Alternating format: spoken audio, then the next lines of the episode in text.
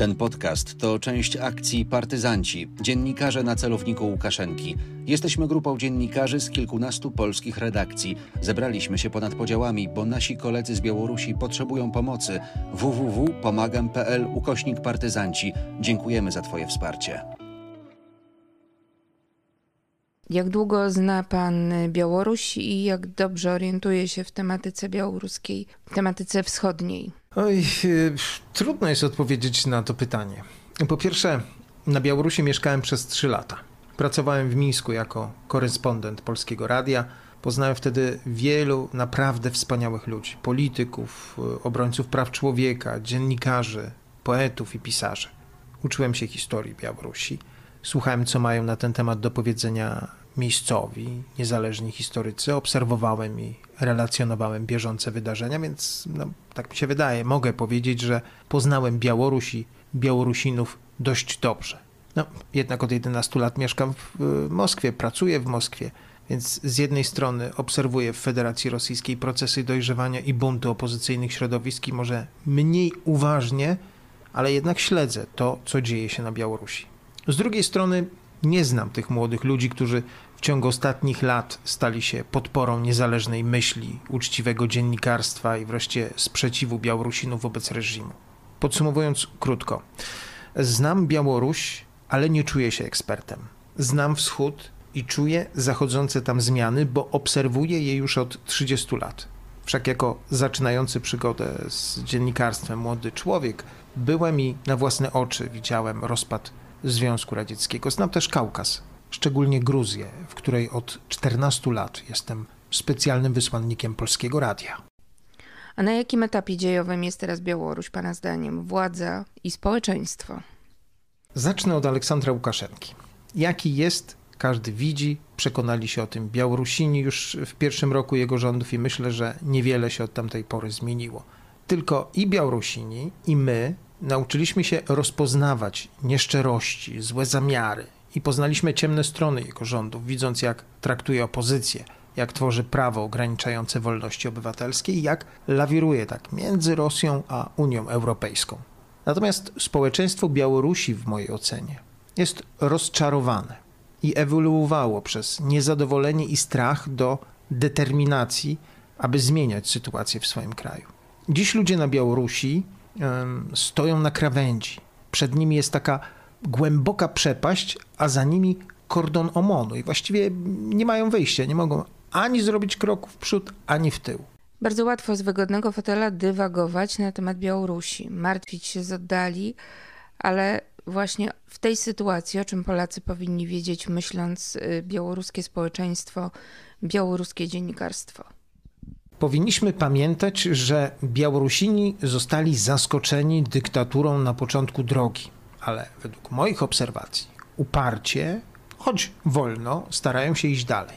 Po rozpadzie Związku Radzieckiego chcieli budować demokratyczne społeczeństwo z wolnymi mediami, z konkurencją. Dziś zahamowani przez reżim nie szukają jakichś kompromisów, łatwych obejść tych przeszkód, ale idą do przodu. Często narażając się na represje. Pamiętajmy, że w dużej mierze Polska jest dla nich wzorem przemian, ucieczki spod rosyjskiej dominacji, a Litwa, Łotwa i Estonia, czyli dawne republiki Związku Radzieckiego, są prezentowane jako te kraje, którym się udało zintegrować z zachodnim światem. W rozumieniu Białorusinów nie chodzi wcale o struktury gospodarcze czy obronne euroatlantyckie, ale o wolności obywatelskie i prawa człowieka.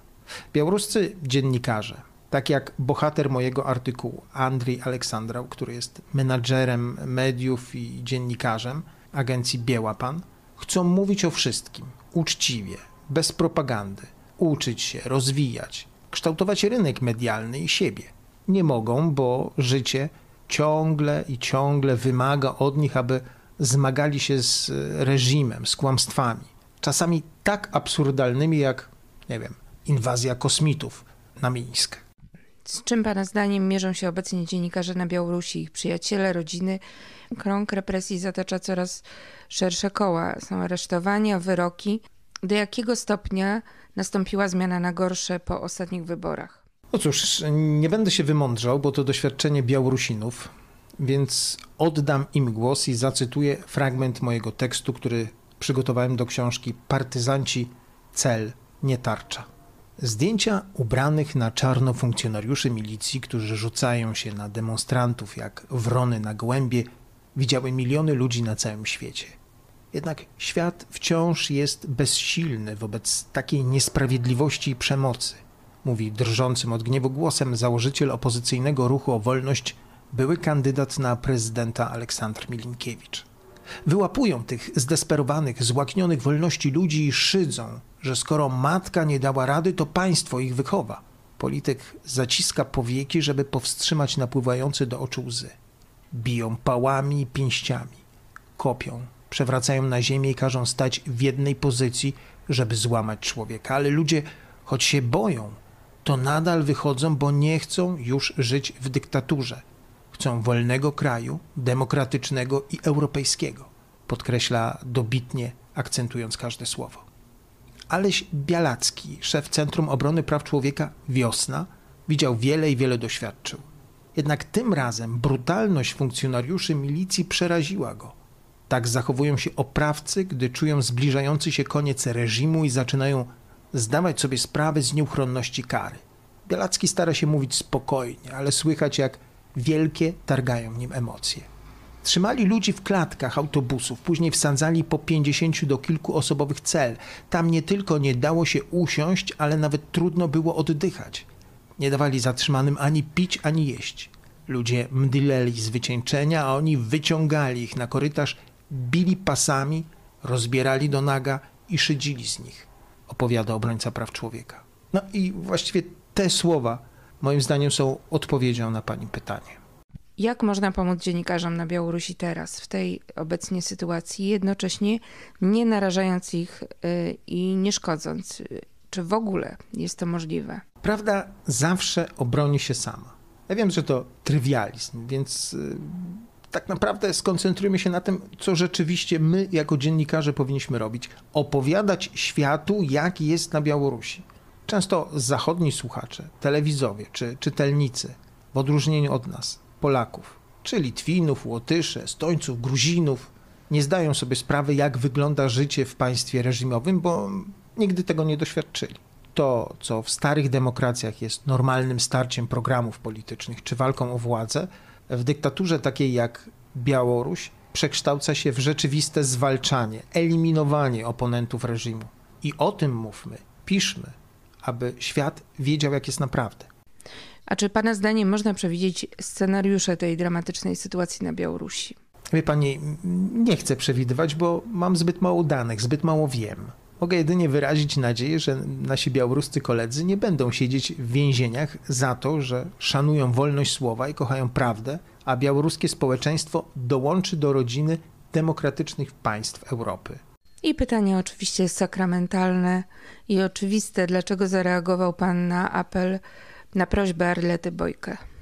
Trywialnie odpowiem, że mm, znam Arletę od wielu lat, pracowaliśmy razem i przyjaźnimy się. I dodam, a cóż mogą jeszcze zrobić innego dziennikarze, jeśli nie to, co robią na co dzień, czyli poinformować świat o tym, co naprawdę dzieje się na Białorusi. A więc napisać książkę, artykuł, zrealizować reportaż radiowy bądź telewizyjny. Mój przyjaciel, Białorusin Aleksandr Milinkiewicz mówi, że białoruscy dziennikarze to prawdziwi bohaterowie ostatnich wydarzeń. Więc zadaję retoryczne pytanie: któż nie chciałby napisać ballady o bohaterach? Ten podcast to część akcji Partyzanci, dziennikarze na celowniku Łukaszenki. Zbieramy pieniądze dla białoruskich dziennikarzy na pomoc prawną, sprzęt, bezpieczny kąt i na wydanie książki, by świat poznał tych, którzy byli i są gotowi zaryzykować wolność, własne życie, rozłąkę z najbliższymi w imię wolności słowa. Tu możesz nas wesprzeć. www.pomagam.pl ukośnik partyzanci.